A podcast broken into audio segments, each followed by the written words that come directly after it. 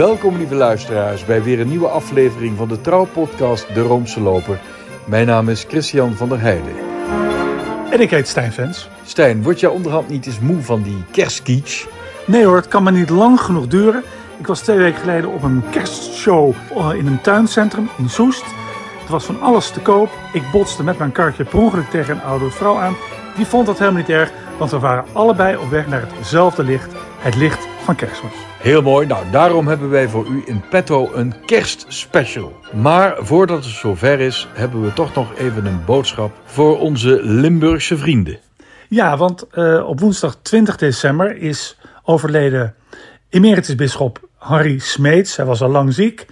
En dat, moet, dat was, moet ik zeggen, een bisschop, of dat is, moet ik zeggen, een bisschop waar ik erg op gesteld ben. Ik heb hem uh, een paar keer ontmoet. Um, in Rome. Uh, ik heb hem geïnterviewd toen hij uh, net benoemd was. Ik heb hem geïnterviewd toen hij net ziek was geworden. Uh, hij heeft, had één hersentumor en later kwam er daar nog één bij. En ik ben in mei, begin mei, nog een keer naar hem gegaan gewoon privé. En toen hebben we anderhalf à twee uur zitten praten. Daar ga ik verder niet te veel over zeggen. Maar ik was diep onder de indruk hoe hij zijn ziekte droeg. En hoe hij toch nog zin had in de dingen die hij nog kon doen. Het was een, had, ja, het was een aardige bisschop. Hij had de mildheid van dorpstor. Het was geen nieuwlichter. Hij leek wel een beetje op zijn voorganger Wiertz.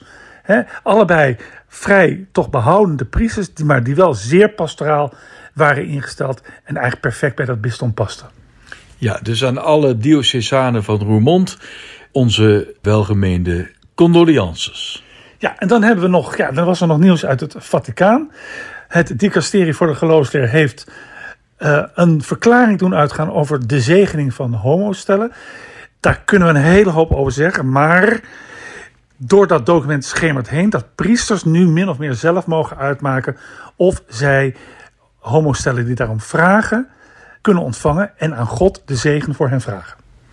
Ja, en daar werd heel duidelijk bij gezegd, let wel, dat is dan geen valorisatie van hun uh, irreguliere, uh, dat betekent dus buiten eigenlijk de standaard norm vallend, uh, relatie. Maar er werd niet alleen gesproken over homoseksuele relaties, maar iedereen die buiten de norm van het huwelijk valt. Bijvoorbeeld ongehuwde hetero's, die worden evenzeer genoemd in dat stuk.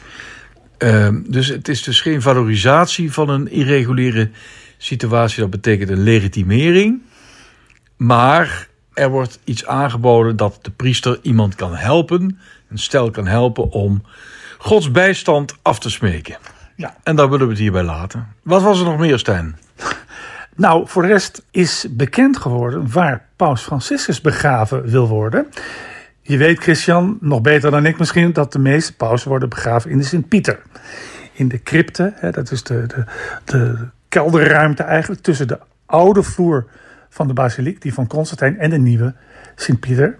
Nou, daar, in die crypte liggen een heleboel pauzen begraven. Het was gebruikt dat uh, pauzen die zalig waren verklaard, of heilig, die gingen naar boven. Nou, dat is bij een aantal gebeurd, maar daar liggen er nog een hoop. Uh, maar deze paus wil daar niet begraven worden. Hij heeft gezegd: Ik wil begraven worden in de Santa Maria Maggiore, uh, de belangrijkste Mariakerk van Rome.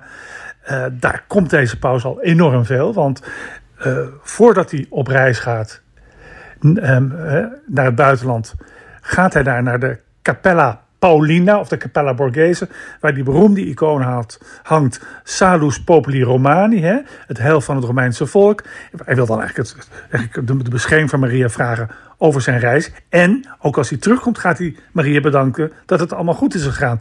En op zijn tweede dag dat hij pauze was, 14 maart 2013, is hij daar naartoe gegaan met een klein bosje bloemen om Maria uh, te vragen hem te helpen bij het paus zijn. Nou, daar in die in die basiliek, waar hij al meer dan honderd keer geweest is. Hij kwam er ook al toen hij uh, nog kardinaal was, ging hij daar zondags naar de mis. Uh, daar wil hij begraven worden. Maar waar, ja. hij, nou, waar hij nou precies begraven worden, is mij niet helemaal duidelijk. Ja, daar wordt, wordt over gespeculeerd. Uh, La Repubblica, de Italiaanse kwaliteitskrant kunnen we wel zeggen, die zegt dat het zal gebeuren in een klein kapelletje gewijd aan de heilige Francesca Romana. Maar jij hebt gelezen ergens dat hij in de Paulijnse kapel zelf komt. Ook wel de Capella Borghese genoemd. Daar liggen al twee pausen begraven. Paulus V en Clemens VIII. En daar, als je daar binnenkomt, zou links is een altaar. En daar zou paus Franciscus wel begraven kunnen worden. Dus we weten het nog niet helemaal precies. Nee, ander pontificaal nieuws, ander Vaticaans nieuws is dat de Sardijnse kardinaal Becciu is veroordeeld tot 5,5 jaar gevangenisstraf. Dat is zo'n ingewikkelde toestand, daar gaan we het later wel een keer over hebben. Als zij in hoger beroep ofwel wordt vrijgesproken ofwel uh, wordt veroordeeld. Is dat goed? Ja. Zullen we dan gewoon nu beginnen met onze kerstspecial? Let's go!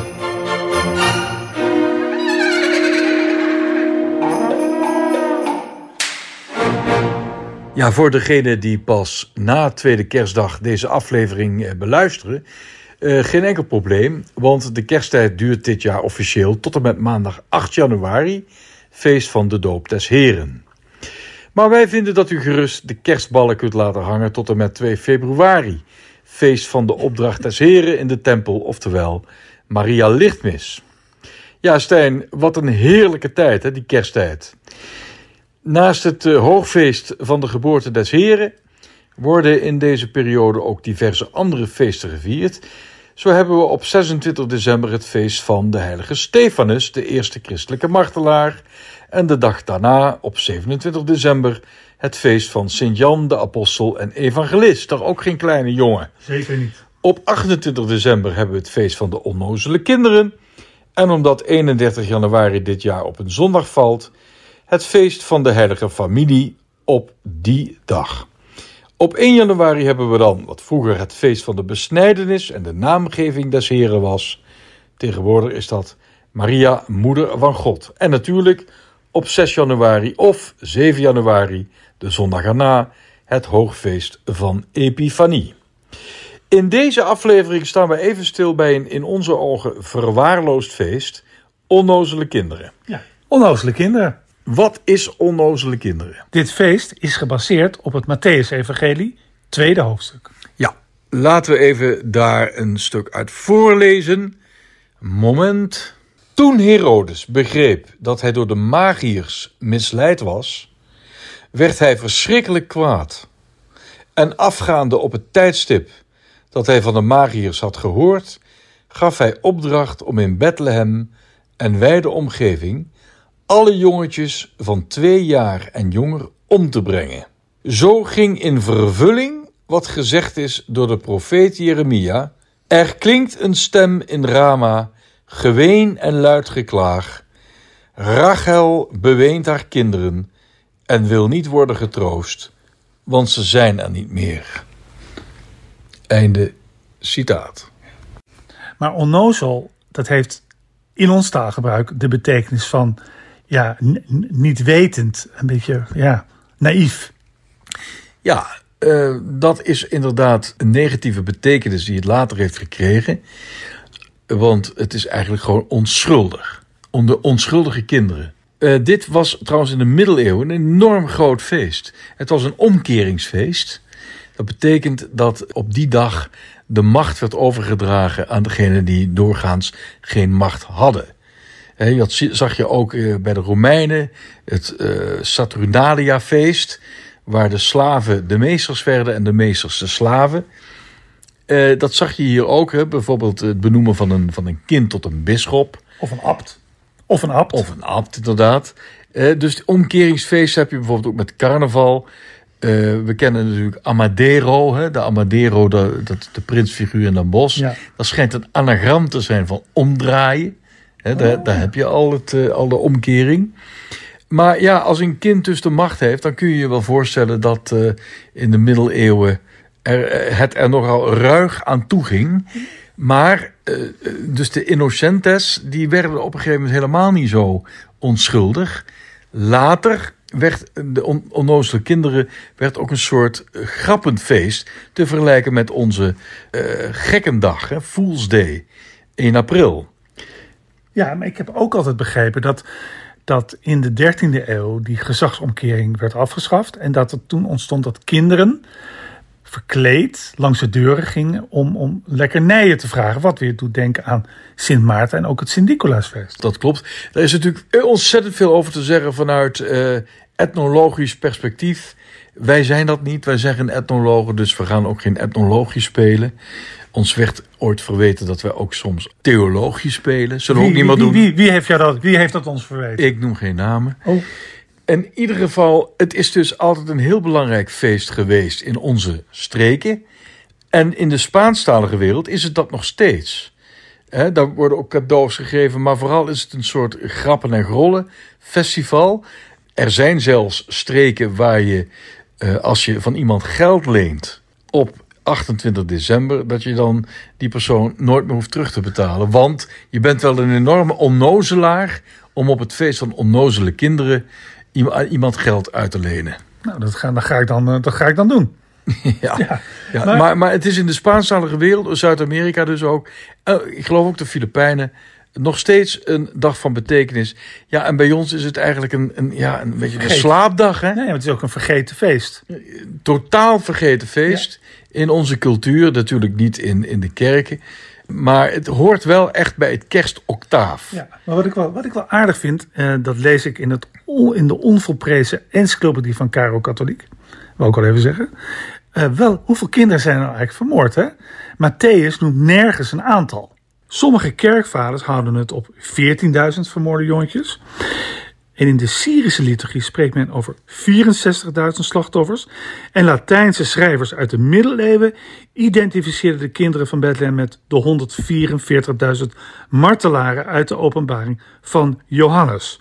Maar hoe dan ook, als je erbij nadenkt, was het natuurlijk gruwelijk wat er gebeurd is. Ja, of het gebeurd is, is natuurlijk nog maar de vraag. Het kan ook gewoon een, een narratief zijn. Hè? De moderne exegeten die nemen uh, die, die kindsheidverhalen historisch niet al te serieus. Je moet dat dus theologisch vooral lezen. Wat ik dus het interessantste vind, is dat het dus, dus eigenlijk dat kinderfeest zo vlak na de kerst zo ontzettend groot is geweest. Eh, dat dat helemaal verloren is gegaan. En eigenlijk die hele uh, wanorde die ontstond op die dag.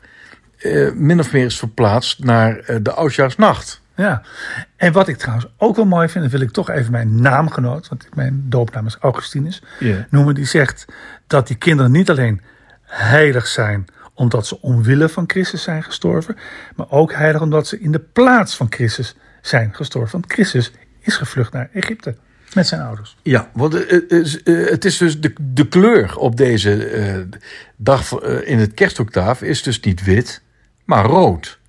Het is een martelarenfeest. Trouwens, evenals uh, Stefanus op 26 eh, december. Maar eh, wat is een martelaar? Dat is iemand die gestorven is als gevolg van haat tegen het geloof. Nou, dit is heel duidelijk het geval hè, hierbij. Maar ze hebben daar zelf helemaal geen vrije wil. Ze, hebben, ze hadden niks in de melk te brokkelen. Nee. Ze, ze, zogen alleen maar melk op, maar niets in de melk te brokkelen. Maar er zijn natuurlijk heel veel martelaren die, zeker in, in die vroege in dat vroege christendom die, die vrijwillig voor het martelaarschap hebben gekozen. Ja. En dat gaat voor deze lieve kinderen natuurlijk niet op. Ja, daar valt natuurlijk ontzettend veel over te zeggen. Doen we nu niet. Laten we het gezellig houden. Laten we afsluiten met een gedicht van uh, Philips van Wetten. Dit gedicht, uh, dat bestaat uit vier coupletten, is een zogeheten acrostigon. Dat betekent dat de beginletters van de coupletten een woord vormen. In dit geval is dat de naam Rama, een stad in het land van de Israëlitische stam Benjamin, waarover we hoorden in de zojuist voorgelezen passage van het Matthäus-evangelie. Het gedicht heet Onnozele Kinderen. Het kan gezongen worden op de wijs van het Wilhelmus, maar dat zal ik dan maar niet doen. Nee. Daar komt hij. Ruimdenkend wordt er weer geplunderd op deze dag van rouw. Verdriet maakt vele poorters bronstig, het spant in elke gauw. De jongens weiden schapen met opgevoerde kracht. Geen vrouw is er nog veilig, de schut heeft zich verzacht. Abominabel zijn de blazers, zij stoten zwakte uit. Geschorst zijn alle stadsprelaten, zij storten zich op buit. De pubergod regeert thans, een non is zijn ontbijt, geen klok mag er nog luiden, het altaar wordt ontwijd. Moerassen zijn de toevluchtsoorden van menig mendikant. De gardiaan bidt voor de broeders, door narren aangerand. Kanunikessen beven, de korte dag duurt lang. De priores bemoedigt, beminden wees niet bang. Aan zet is nu de klokkenmeester, uit plichtsbesef niet zat. Zodra hij luidt begint de wending van schaamte in de stad. Het kind verliest de zetel, het is gedaan met lust. Gezalfden likken wonden, de bisschop neemt weer rust.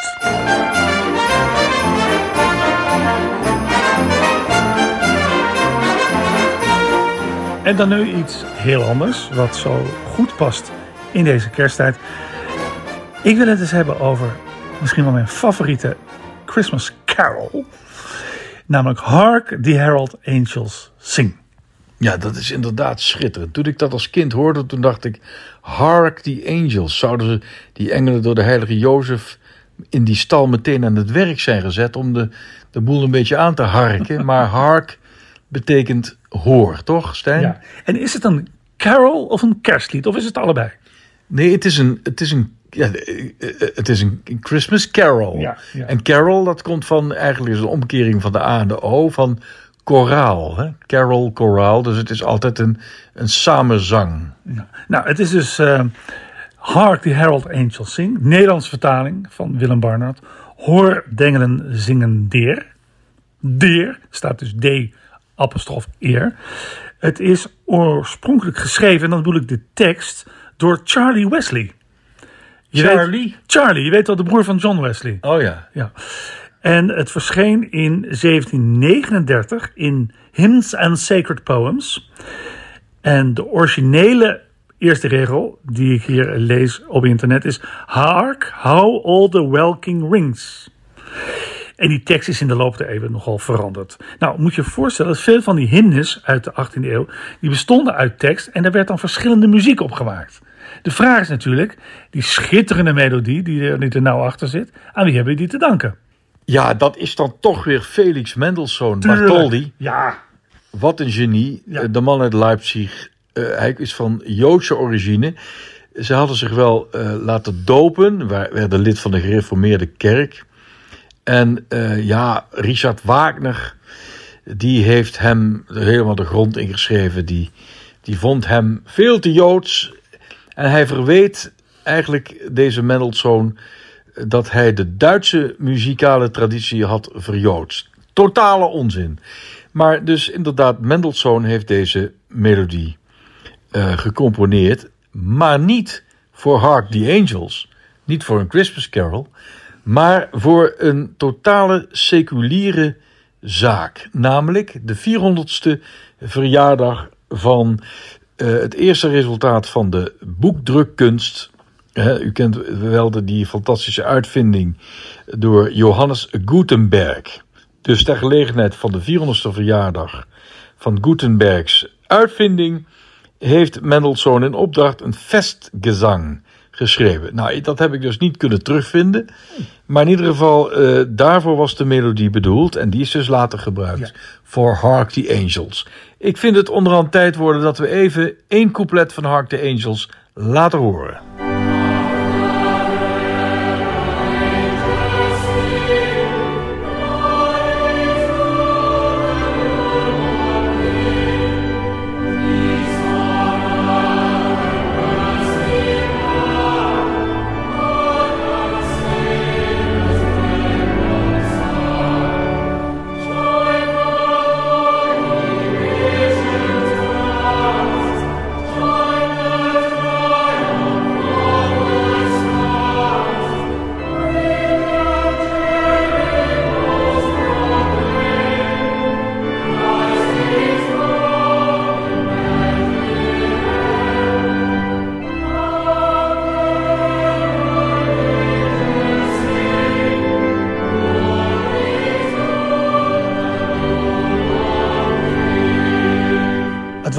De favoriete Christmas carol van mijn vader.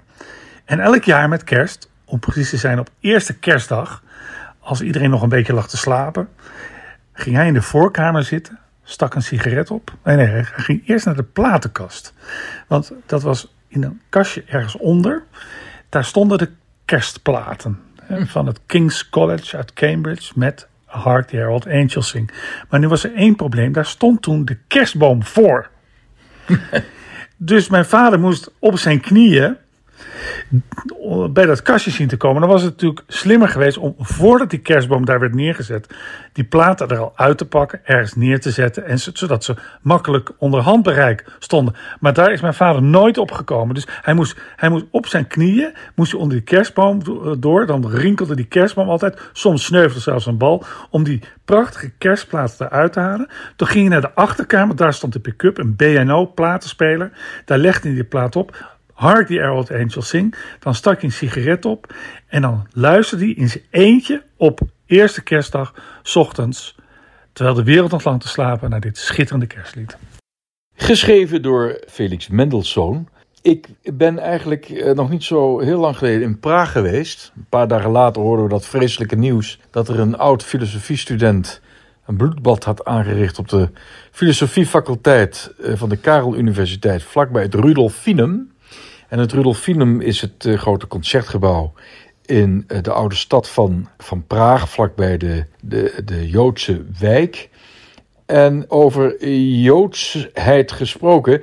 Ja, in de Tweede Wereldoorlog werd Praag bestierd door ja, de meest vreselijke man die je maar kunt voorstellen. Heydrich, op wie ook een aanslag is gepleegd. En die zat op een avond in uh, het Rudolfinum te luisteren naar Mozart. Dan mochten alleen maar Duitse componisten ter horen worden gebracht. Hij realiseerde zich dat er allerlei beelden op het dak stonden van het Rudolfinum. En hij kwam erachter dat tot zijn grote woede ook een beeld stond van uh, Felix Mendelssohn. Nou, dit gegeven, dit is uh, gebruikt door de romancier Jiri Weil voor zijn uh, roman Mendelssohn op het dak. Mendelssohn op het dak. En het grappige eigenlijk, want het gaat eigenlijk over iets heel gruwelijks, maar het grappige is dat hij aan wat SS'ers de opdracht gaf om dat beeld van Mendelssohn onmiddellijk van dat dak te verwijderen. Alleen die SS'ers die zaten natuurlijk wel met een probleem, want die hadden geen idee hoe Mendelssohn eruit zag. Toen zei hun voorman, die zei ja, het is een Jood, dus ze zal wel een grote neus hebben. En welk beeld haalden ze toen weg? Degene, de componist met de grootste neus. En dat was Richard Wagner. een geweldig verhaal. Dus uh, de, de lievelingscomponist van Adolf Hitler. Enfin, een, uh, een geniale roman. Mendelssohn op het dak. Ja, die Mendelssohn heeft natuurlijk nog veel meer gecomponeerd. Daar gaan we het nu niet over hebben.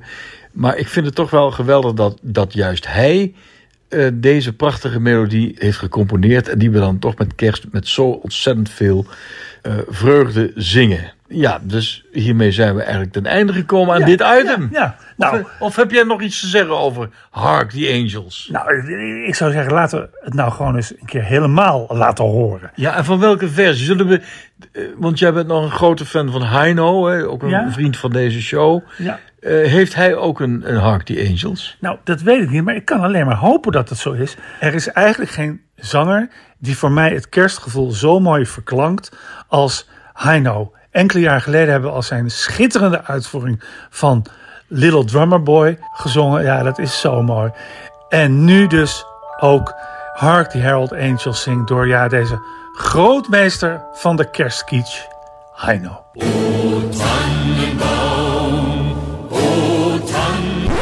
Ja, Stijn, jij, jij kondigt dit wel zo mooi aan, maar ik heb hem niet kunnen vinden. Volgens mij zit het niet in zijn kerstrepertoire. We kunnen beter even naar een mooie versie luisteren van eh, Hark the Herald Angels. Wat dacht je van Take Six? Ja, Take Six. Wat is Take Six? Dat is een, een zanggroep met zes stemmen, zou ik zeggen. Nou, Take Six. En hiermee nemen we afscheid van u. Het was een beetje een provisorische kerstspecial. In ieder geval zalig kerstfeest en een mooi uiteinde. En een gezegend 2024, waarin u ons weer zult horen. Ja, en let wel, het wordt weer een schrikkeljaar. Hark the herald angels sing, glory to the newborn King. Peace on earth and mercy mild, God and sinners reconciled. Nations rise, join the triumph of the skies with angelic hosts proclaim Christ is born in Bethlehem. Hark the herald angels sing glory to the newborn King. Christ by the everlasting Lord, in the manger born a King, while adoring angels sing. Peace on earth to men goodwill, bid the trembling soul be still. Has come to dwell, Jesus our Emmanuel. Hark the herald angels sing, glory to the newborn King. Hail the hand-born Prince of Peace, hail the Son of Righteousness.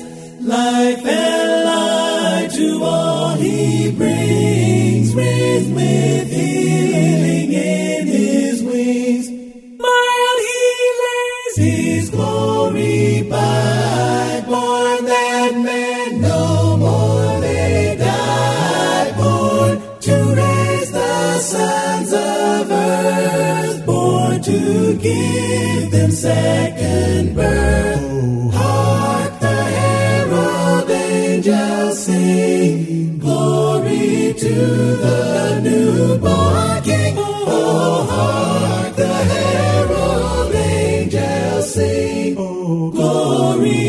Glory to the newborn